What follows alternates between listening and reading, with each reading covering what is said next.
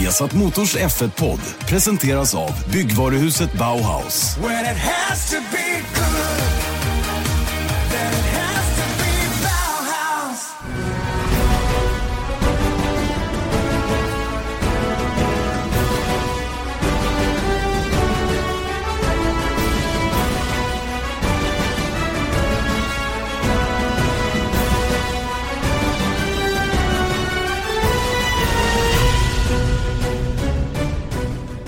Hjärtligt välkommen till en extra Formel 1-podd. Vi har satt Motors Formel 1-podd kommer en gång till den här veckan. Och eh, anledningen är ju ganska enkel. Janne Blomqvist, Erik Stenborg som eh, ska analysera det senaste som har hänt i Formel 1-världen. Nämligen att Ferrari nu har bestämt sig, Erik. Ja, det har de gjort. Och välkommen till Singapore. Jag sitter och tittar på Janne Blomqvist som har lite rufsigt hår, måste jag säga. ja, det kan man har säga. precis vaknat klockan halv fem på eftermiddagen. Mm, stämmer. Och um, ja, men det, vi, det var en bra resa över. Uh, vi landade sex i morse lokal tid. Uh, snabb taxiresa till hotellet, en liten frukost och sen uh, spreds vi för vinden och uh, kröp ner under lakanen här och sovit så länge som det går. Det gäller ju att stanna kvar på svensk tid. Mm. Så att nu ska vi försöka hålla ut till fyra, fem i morgon bitti här istället. Mm, det låter bra. Det men bra. som sagt, de här nyheterna. Kimi Räikkönen eh, lämnar Ferrari, går till Sauber och Leclerc går till Ferrari. Ja, det och det här är intressant. Det här är intressant tycker jag. Vad är egentligen, vad är huvudnyheten här? Eh, det, det satt jag och funderade på länge när, när vi nåddes av det här beskedet. Va? Först så presenterade ju Ferrari då eh, ett press, pressmeddelande som sa att Kimi Räikkönen kommer att kliva av eh, step down som de skrev då och eh, inte köra för Ferrari nästkommande säsong. Eh, och sen skrev Kimi Räikkönen på sin Instagram att look who's back. Mm. Och sen hade han då sin Sauber-overall på sig och då stod det ju klart då att han inte slutar att köra Formel 1 utan han alltså kliver ner då, får man ju ändå kalla det då, till, till Sauber. Enligt uppgift då ett tvåårskontrakt. Eh, och sen eh, som sista grej på något sätt i hela den här historien blev det då att Charles Leclerc blir befordrad från Sauber upp till Ferrari. Någonting som har spekulerats i väldigt, väldigt länge då och, och som nu då till slut blev offentligt. Och hela den här kedjan av händelser var intressant att följa tycker jag om hur man, vilket som egentligen var den stora nyheten. Hur ser du på det? Ja, men jag kan bara eh, berätta hur det gick till på redaktionen. Att eh, det var Lukas, vår redaktör, som såg eh, Räikkönen slutade i Ferrari och då fick alla drag under galoscherna.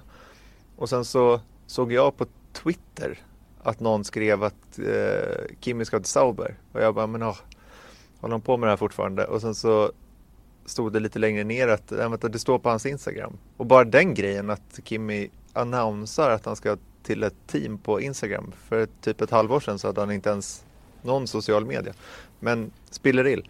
Och då blir det ännu mer drag under galoscherna och sen så blev det ju Leclerc. Och Leclerc, det är ju den minsta nyheten tycker ja, jag. på något sätt är det ju det. Det har ju varit en ganska en, en dåligt bevarad hemlighet då att, att eh, ambitionen från Ferraris sida hela tiden egentligen från det han kom in i Formel 1 tror jag varit att han skulle under det här året skolas eh, skolas in i Formel 1 snabbt, smidigt och gärna med bra resultat och sen då ta steget upp i Ferrari. Självklart fanns det en buffert för att köra honom ett år till om det skulle behövas. Va? Men jag tror att man, man haft en ganska tydlig plan för Leclerc, framförallt under Sergio Marchione. Det som blev en komplikation under året var att Sergio Marchione gick bort.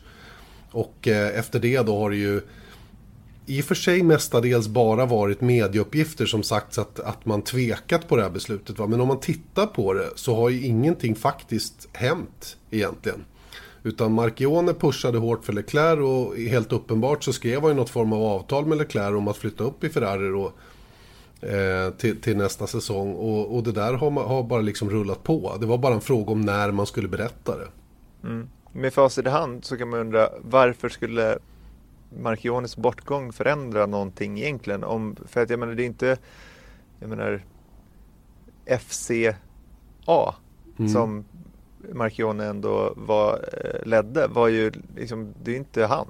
Det, det är ju ett enormt jättestort företag som tar det här beslutet gemensamt. Sen är det klart att folk lyssnar på Marchione och han, har saker själv, han hade saker att säga till om, självklart. Mm. Men egentligen, varför skulle det ha det var ju bara någonting som rapporterades sen en gång. Och varför mm. skulle det ha förändrats av att han gick bort? Och varför skulle den nya eh, ledaren så att säga tycka annorlunda egentligen? Jag menar, det var ju bara ett antagande som, som blev sanning känns det som i efterhand. Verkligen, verkligen. Och att, att, eh, att det kom in tveksamheter i hela den här processen då som, som då skulle göra att man kanske ändrade på beslutet då. Men det, det skedde alltså inte. Utan eh, för, mig, för mig är faktiskt den stora nyheten. Och jag måste säga att jag, jag, jag är lite självgod nu. Men, men det här med flytten till Sauber blev jag ju hånskrattad för att jag ens tog upp. Och jag gjorde det inte speciellt seriöst heller när jag gjorde det den gången under Österrikes Grand Prix. När jag pratade Men hur, hur kom det här upp? För min Ta del, bakgrunden, för att helt plötsligt så, så sitter du i en intervju med Dieter i, till vår podd då och så Mm. drar du det här. Och sen så skojade vi om det här i senare poddar att sen rapporterade Renken om det här. Inte som en sanning men däremot som en möjlighet och det Mm. kom ju från ditt huvud då. Men var, var kom det ifrån? Ja, alltså jag vet inte riktigt vad det var som födde den tanken. Va? Det, det, det, det har jag sagt i andra intervjuer också. Att jag har hela tiden haft en känsla av att Kimmy, trots att, vi på, på, trots att han på raka frågor har sagt att det sista teamet jag kör för blir Ferrari. Jag kommer att köra för Ferrari eller ingen annanstans. Och det var ju någonting som han sa till oss upprepade gånger då när man frågade. Va? Men han började glida mer och mer på det där. Och sista intervjun vi gjorde med honom, då gled han ännu mer på det tycker jag. Inte, inte i ord, men alltså känslan när man tittade på honom och satt och pratade med honom. Att det, var inte hugget i sten det där längre. Och, eh, och ehm, sen så började jag ju bygga ett litet pussel med, med kopplingen mellan Ferrari och, och Sauber. Alfa Romeo kommer in, hela den där grejen.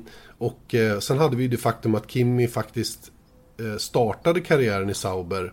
Och, och skulle han då, inom citat, vilja runda av det lite, lite snyggt så skulle ju det kunna vara en möjlighet. Att helt enkelt göra ett byte med Charles Leclerc. Att han då går från Ferrari ner till Sauber, Leclerc upp till Ferrari. Och så får han åka två år med sina gamla kompisar i Sauber. Han känner massor med folk i det teamet. Han är oerhört god vän till exempel med teammanagern Beat Sender. Eh, och, och, och jag menar, i och med att han tycker om att köra Formel 1 fortfarande, helt uppenbart. Pratade med Rickard Rydell om det igår till exempel. Han, han var inne på samma sak. Han sa det att när jag var runt 30 sa han, då, då var det så här att då, då kände han så här att nu, nu kommer jag, när jag slutar då kommer jag sluta och aldrig mer komma tillbaka. Men ju äldre jag blev, sa han, ju mer insåg jag att det var det här jag ville göra. Och det kan tänkas att, att Kimi har kommit in i ett sånt läge att han, han, han, han gillar det här för mycket helt enkelt. Den här pausen han gjorde när han inte körde Formel 1 och åkte rally istället och fick chansen att komma tillbaka gjorde att han började uppskatta eh, uppskatta sporten eh, på en annan nivå tror jag än han hade gjort tidigare. Han var rätt trött på det då när han lämnade tror jag med allt ståhej mediamässigt och allt det där. Va? Det där har han ju fortfarande inget större, ingen större förkärlek för. Men han gör det, tycker jag, mer otvunget nu för tiden. Och, eh, helt uppenbart så tycker han ju om att åka Formel 1 fortfarande. Annars hade han ju aldrig flyttat över till Sauber eh, och köra i ett, ett mittenteam då under två säsonger. Eh, och sen, sen är det ju massor med spekulationer om hur det här har gått till. Vem har gjort vad? Är det Kimmis eget management som har tagit det här, tagit det här beslutet att gå? Det förekommer medierapporter om att Ferrari skulle vara förvånade över att han tar det här beslutet och går till Sauber. Jag tror tvärtom att det här är väldigt mycket med Ferraris goda minne som alltihopa det här sker. Och, och ser vi på det ur ett, ur ett um, kommersiellt perspektiv så är det ju en, en sån lyckträff att kunna ha en av Formel 1 största profiler kvar på griden. Och, och i och med att Alfa då under ledning av FCA då som är moderbolaget till alla de här märkena vill marknadsföra Alfa Romeo starkt så kan de göra det tillsammans med Kimi Räikkönen nästa år. Det, det, det är bara win-win för alla tycker jag. Ja, det tycker jag också. Men däremot så ska vi i alla fall ta den här grejen att den här, i varje fall som det rapporteras om, och vi har pratat om det, jag pratade om det på något klipp igår. Just det här, det sägs ju att Ferrari har rätt att stoppa en, välja en av förarna i Sauber. På grund av eller tack vare sponsorskapet med Salfa. Ja, Salfa. Salfa. Sauber. Det kanske är nya namnet om skulle... Mm. Sulfa byta. får det bli då. Sulfa. Sulfa, Sulfa, men det är inte lika klatschigt. Nej. Det jag menar är i alla fall Alfas sponsorskap av Sauber. Mm. Att genom det så har de rätt att stoppa en av sina förare eller välja en av sina förare i, i Sauber. Är det verkligen vedertaget? Det rapporteras ju som det. Men är Ja. det bekräftat från Ferrari att eller Sauber att de har rätt att göra det? Mig veteligen så har ingenting sånt kommit från offentligt håll, vare sig från Ferrari eller från Sauber. Och jag är nästan 100% säker på att skulle jag ställa frågan rakt till Fred Vassör idag så skulle han förneka att det är på det viset. De mm. vill, de vill vara tydliga med sitt oberoende. Det har blivit en allmän uppfattning att Ferrari har en av platserna i Sauber-teamet av den här anledningen. Men fortfarande kostar det ju Ferrari en väldig massa pengar att köra en av sina juniorer i Sauber. Eh, så, så att jag menar, det är ingen gratis historia bara för att, men, men det är möjligt att man har ett bättre förhandlingsläge i alla fall i en sån här situation eh, kring det faktum att man, om man nu vill matcha fram ytterligare en junior eh, så kan man använda den optionen så att säga, eller den möjligheten i förhandlingarna då att, att, att, um, att helt enkelt byta ut Leclerc mot en annan junior. Eh, det som komplicerar saker och ting just nu då är ju att Kimi Räikkönen kommer dit. Och, mm. och, var kommer han ifrån så att säga? Kommer han ifrån Ferrari eller kommer han från sig själv eller hur har det gått till? Exakt. Eh, är, det, är det Ferrari som har placerat honom i Sauber så att säga? Eller har de åtminstone använt sin då jag menar hela den grejen med att Ferrari har rätt att stoppa en förare i Sauber.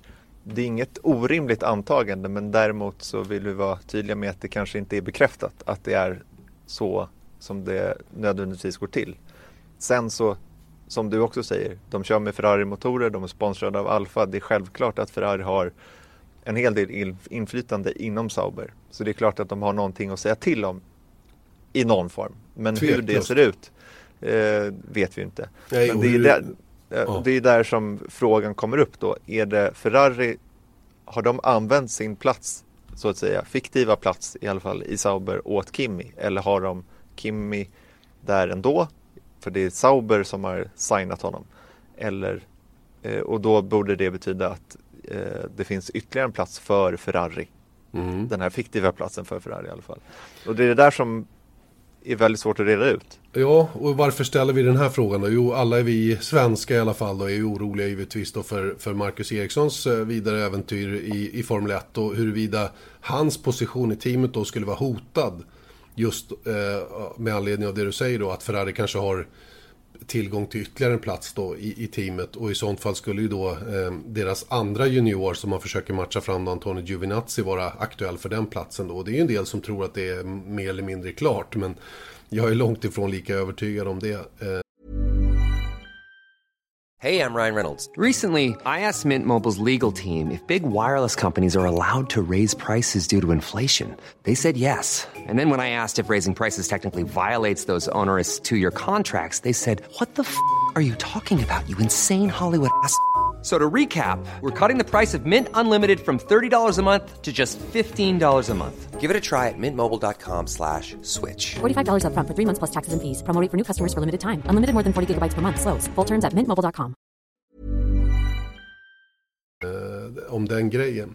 Sen, sen, sen, finns det en annan sak när det gäller Antonio Giovinazzi. Vad, vad, vad har Ferrari för plan för honom?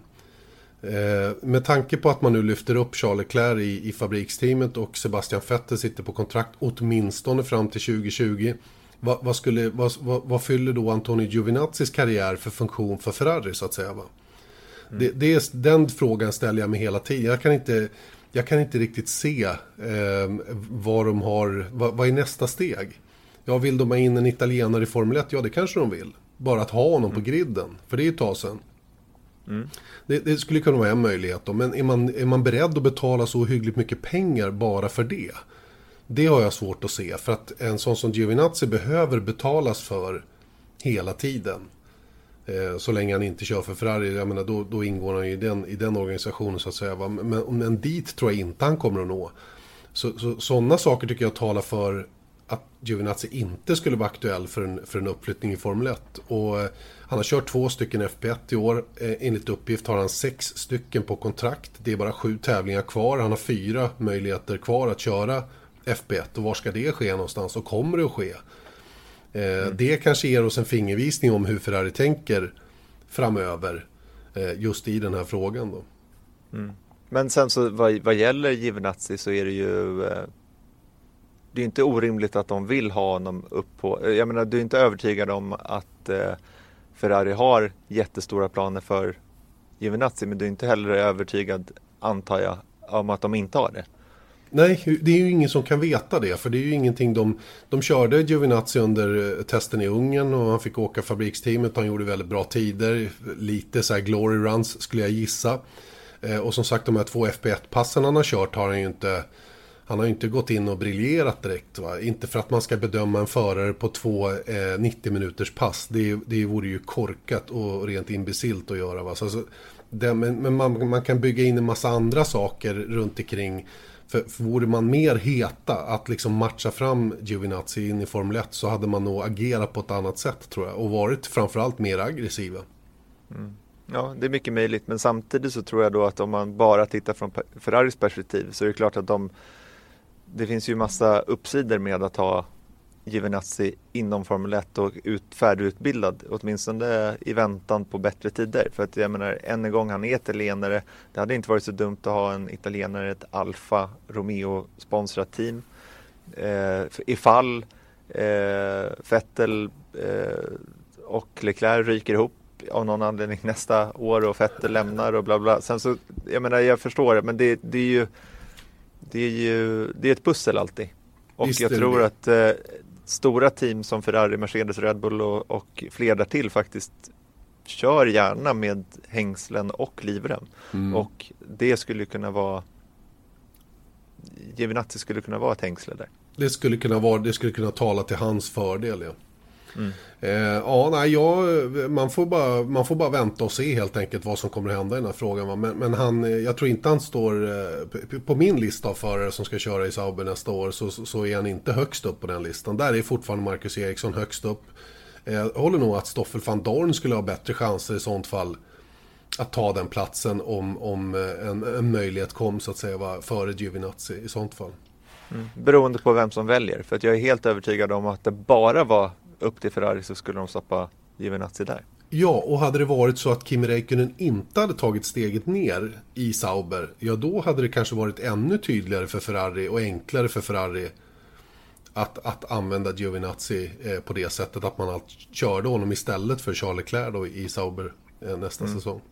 Mm. Men eh, det, här, det här är en intressant situation, alltså mycket, mycket intressant situation. Och alla som tror att allting handlar om fart och varvtider och sådana grejer, glöm det. Det är jättemycket politik bakom de här besluten som tas just nu och när de tas och tajmingen för presentationen av saker och ting. Det är så lite som handlar om hur bra man egentligen liksom är på banan. De allra flesta, eller alla som är i Formel 1 är väldigt, väldigt duktiga. Med mm. små, små differenser givetvis. Så det, det är en himla massa andra hänsyn som tas. Och jag menar, om man ser till, eh, till, till Sauber-perspektivet. Eh, det skulle ju kunna vara en rätt kul PR-grej att köra ett helt nordiskt, eh, en nordisk föruppställning. Sist det skedde tror jag var i, i var, var det någon som skrev att det var Onyx i, på 80-talet när, när Stefan och JJ Lehto körde tillsammans i, i, i det teamet då. Vad, vad kan det varit, 89 eller något sånt där. Eh, så, så att jag menar, det, det, är, det är en annan cool grej så, så, som, som skulle kunna vara avgörande för att det blir som det blir. Va? Mm. Det skulle också kunna vara avgörande att det inte blir så för att det är inte så himla bra eh, mycket människor där uppe i Norden heller. Nej, men det är coolt. Är det, ja. Nej, men du förstår vad jag menar, att det, det går att vända och vrida på allting allting, beroende på vilket allting. perspektiv man har. Eh, men min känsla är i alla fall att det här kommer dröja lite. Jag tror inte att det kommer, jag tror inte det kommer i helgen liksom. Eller ens nästa helg. Nej, nej, nej, nej, det är den indikationen jag har fått också. Att det här kommer att dröja eh, innan vi får något besked om vad som händer med den andra platsen. Och det har som sagt att göra med en massa polit politik. Mm. Politik och marknadsvärden och hittan och dittan fram och tillbaka. Det, det är en massa parametrar som ska som ska mm, vara rätt så att säga för att man, för att man ska gå ut och presentera den här för Framförallt så vill man ju kanske att det här tillkännagivandet som kom nu ska lägga sig lite grann eh, innan man ger sig på nästa då för att liksom, ja. Mm. Och sen så vill jag säga att, och inte bara politik, för det, jag menar, vi har sagt det många gånger, men Marcus Erikssons höst nu, den har inte blivit mindre viktig genom det här. Nej, Så att jag menar, det, det är det som, skulle han eh, prestera bra kommande tre tävlingar så blir det lättare för de som ligger, eh, som håller Marcus om ryggen att ta ett beslut i frågan. Mm. Visst är om det man så. säger det så. Visst är det så. Går det katastrofdåligt nu i Singapore, Ryssland och något race till, ja då blir det svårare helt Mm. plötsligt. Så att jag Mm. menar, det är därav mycket politik men också fart på banan faktiskt. Mm. Jo då, det, det har du absolut rätt i. Att det går inte att bara såsa runt här resten av säsongen och tro att allting är lugnt. Utan det är, det är verkligen att ligga på absolut högsta nivå. Den, den sista man behöver berätta det för, det är Marcus Eriksson själv. Då vill jag avslutningsvis då säga så här, vad tycker du om, jag menar, om valet att ha Kimi Räikkönen på ålderns höst? Han är ju lastgammal, 38. Nej men jag menar det är också så här, det, det har i alla fall ifrågasatts att det är många som är glada för att Kimi är, är kvar för att han är en sån stor prof- profil. Och eh, jag är nästan lite nykär i Kimi Räikkönen efter att ha läst den här boken. Jag tycker att han är en, en skön karaktär och jag tycker att han har presterat tillräckligt bra för att vara kvar i Formel 1, inget snack om saken. Men det finns ett annat perspektiv i alla fall, eh, som vissa uttryck. Och det är att han eh, ska, apropå såsa runt, eh, det handlar om motivation, det handlar om att förbereda sig, det handlar om allting och han har i alla fall haft chans att vinna race de senaste åren. Eh, det har han ju skäligen inte i Sauber. Nej, det har han inte. Och eh, jag, jag förstår frågan och jag, jag kan också känna den farhågan lite grann då. Hur, hur, eh, hur blir det rent motivationsmässigt för en kille som är närmare 40 att komma från i stort sett bara toppstall genom hela karriären och nu då hamna i ett team som för närvarande inte har bilar som, som egentligen på egen kraft klarar en topp 10-placering. Om alla tar sig i mål så att säga. Va? Det är ju lite intressant. Va? Samtidigt är det ju så att Sauber är på uppgång och, och har ju ambitioner att bli bästa privatteam så småningom. Va? Men frågan är hur lång tid det tar. Kommer det ens att ske under de två säsonger som Kimi är där? Och så vidare. Va? Så, så att det är klart att man kan, ha den, man kan ha den synpunkten att det hade varit bättre med en ung hungrig förare snarare än en, en, en äldre Eh, visserligen stor profil men, men som har pikat för ett antal år sedan. Det får man väl ändå säga att han har gjort. Va? Och, och, och då, ehm, ja jag vet inte vem, och då, då, är det väl, då är vi väl tillbaka till det här eh, andra världen så att säga, va? En, en ren speed. Ja, som sagt, vi får vänta och se hur det är, men jag tycker det ska bli, jag tycker det är kul att se Kimi i Sauber och se Kimi kvar på, eh, på griden överhuvudtaget. Det ska bli väldigt kul att se Leclerc mot Vettel.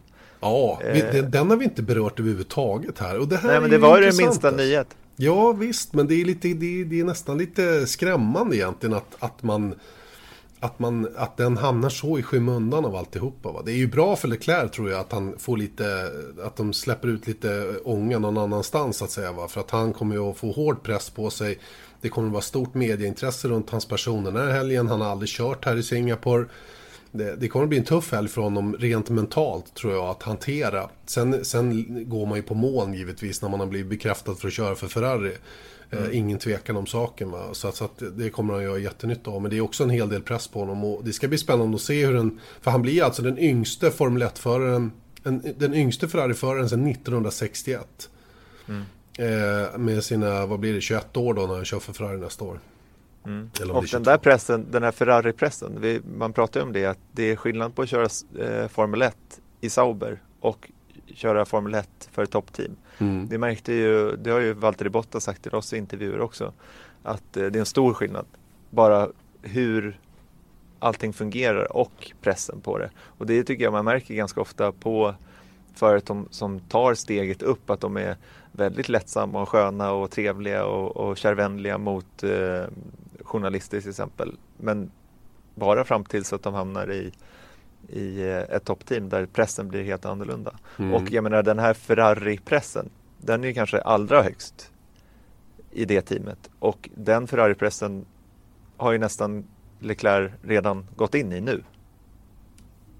Som du säger också, att jag menar det är inte nästa år när han står på griden i Australien som pre- pressen börjar komma utan det är, det är nu. För beslutet är taget redan. Mm, mm. Ja, för nu, kritik kan ju komma på en gång. Låt säga att han gör en skral höst.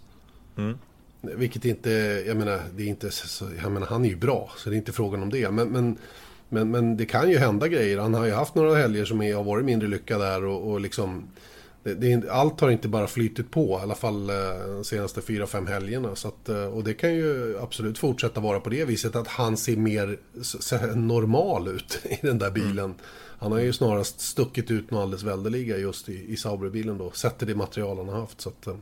så det är spännande. En sak är i alla fall säker, någonting jag ser fram emot väldigt mycket nu helt plötsligt, det är ju försäsongstesterna nästa år. Mm. Väldigt coolt. Mycket. Barcelona. Mycket, mycket bra. Eh, Alright Erik, eh, ja. då, då kan vi väl runda av den här lilla extra podden som vi bjuder på den här veckan då med anledning av eh, beskeden som kom igår. Alltså att ehm, eh, Kimi Räikkönen lämnar Ferrari, ersätts av Charles Leclerc men fortsätter att köra Formel 1 och han gör det i, inom citat, svensk teamet Sauber. Eh, jättekul fortsättning väntar, spännande fortsättning väntar. Eh, besked om vem som kör den andra bilen kommer här under hösten och vi hoppas givetvis att Marcus Eriksson har goda möjligheter att behålla sin plats i Sauber så att vi får det där nordiska dreamteamet som jag tror att många fans önskar i alla fall. Så är det. Vi eh, hörs till helgen eh, från Singapore. Garanterat. Jag kastar mig ut i poolen. Gör det. Gör inte jag. Hej då! Hej då! Vesat Motors F1-podd presenterades av byggvaruhuset Bauhaus.